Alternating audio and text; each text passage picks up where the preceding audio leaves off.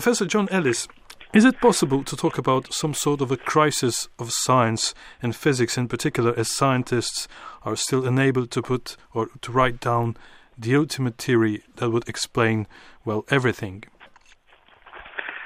Uh, I think that writing down uh, an ultimate theory of everything is an incredibly ambitious goal.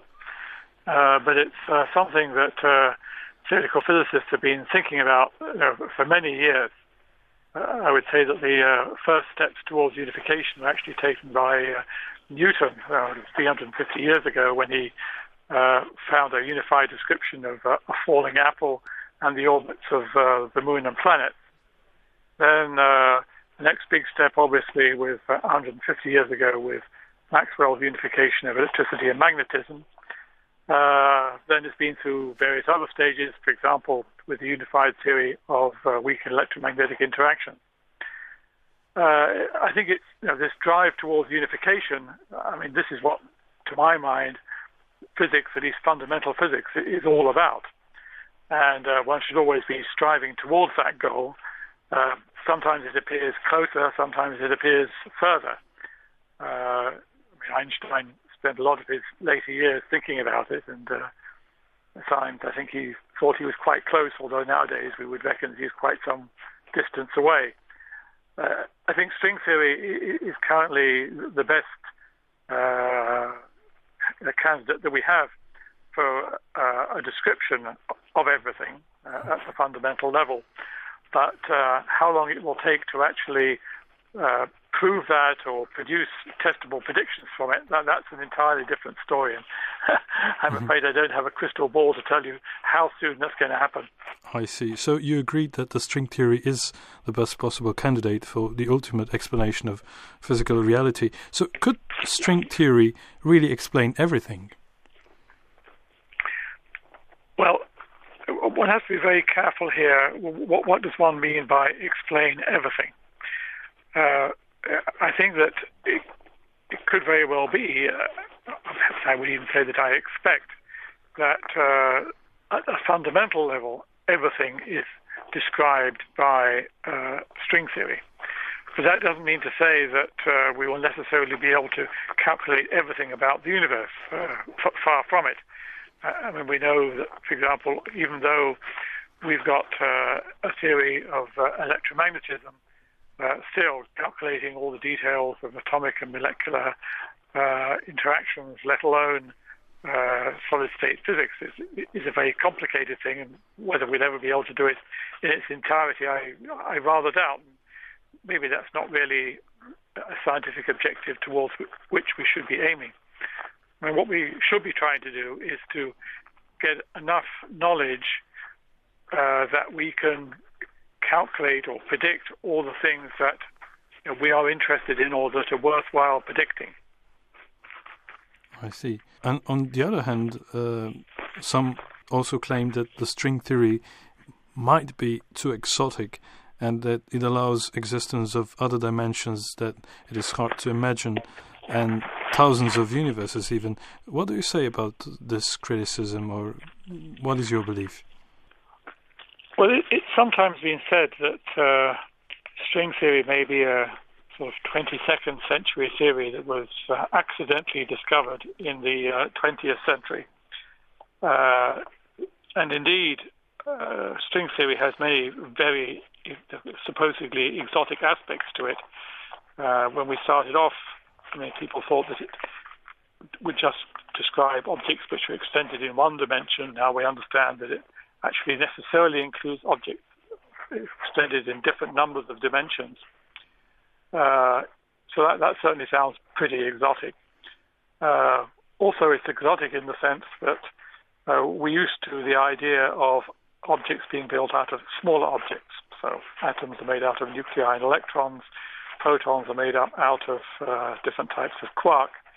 Uh, string theory, the way that we understand it at the moment, would put a stop to that because it would say, well, okay, objects are spread out in space, but that doesn't necessarily mean to say that they're made of smaller things sitting inside them.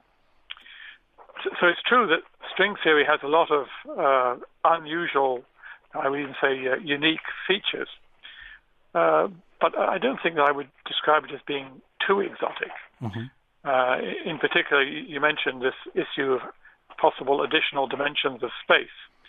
Uh, that's actually an idea that's been around for uh, almost a century now, and it's something that uh, Einstein and many others uh, were very interested in in the early part of the 20th century.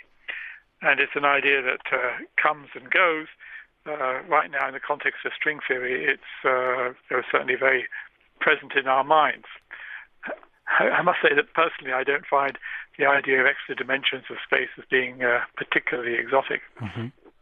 But critics do say that it will be impossible to test the string theory with experiments, which means it will be impossible to scientifically confirm it. Uh, do you agree with that? It's true that uh, at the present time, nobody's come up with a convincing strategy for uh, testing string theory in its capacity as some fundamental theory of everything. On the other hand, string theory has produced uh, a number of remarkable insights. Uh, for example, it's enabled us to produce a theory where we can do perturbative calculations in quantum gravity. Uh, we can calculate not just the exchange of one graviton, but you know, many gravitons. And uh, that's something which, until string theory came along, was only a dream. We didn't know how to do that. Uh, also, string theory has uh, provided us with an, an, accounting system for the degrees of freedom of black holes. It was always a big puzzle that black holes looked like they were uh, complicated objects with entropy and temperature and so on. And now, in the framework of string theory, we, we understand uh, why that turns out to be the case. Of course, what we would like is eventually that uh, string theory would produce a concrete prediction like you know, the mass of the electron. But I think that's always going to be you know, incredibly difficult in the same way that you know, even though we think we understand the underlying theory of the strong interactions very well, uh, that doesn't mean to say that we can calculate uh, mm-hmm. excited levels of nuclei. I see. Uh, so uh, the other thing which I would say is that although string theory has not yet produced concrete verifiable, verifiable predictions at a fundamental level, it's nevertheless enabled us to do some calculations uh, at a, a non-fundamental level. Uh, so here I, I, would describe string theory as being like a toolbox which enables us to do many different calculations in different contexts, some of them at the fundamental level, some of them at a less fundamental level. And I, I would mention in particular that it was through string theory that uh, uh, people were able to calculate uh, some limiting behavior of the viscosity of a medium, which uh, turns out to have applications to the collisions of relativistic heavy nuclei. and there are other examples like that. So I, I think it's uh, a, premature, and uh, B, a little bit unfair to say that uh, string theory doesn't produce testable predictions. Mm-hmm. I see. And one last question, Professor John Ellis. Do you think that in the near future, physics will be able to find the ultimate theory of everything, uh, as this is the topic of today's show, or is this just a dream and something not very likely to happen? I, I think it's certainly possible. Uh, I think that uh, we physicists should strive towards that. I, I, don't think that we should sort of uh, spend all our time doing that, but I think that at least mm. some physicists should be trying to do that.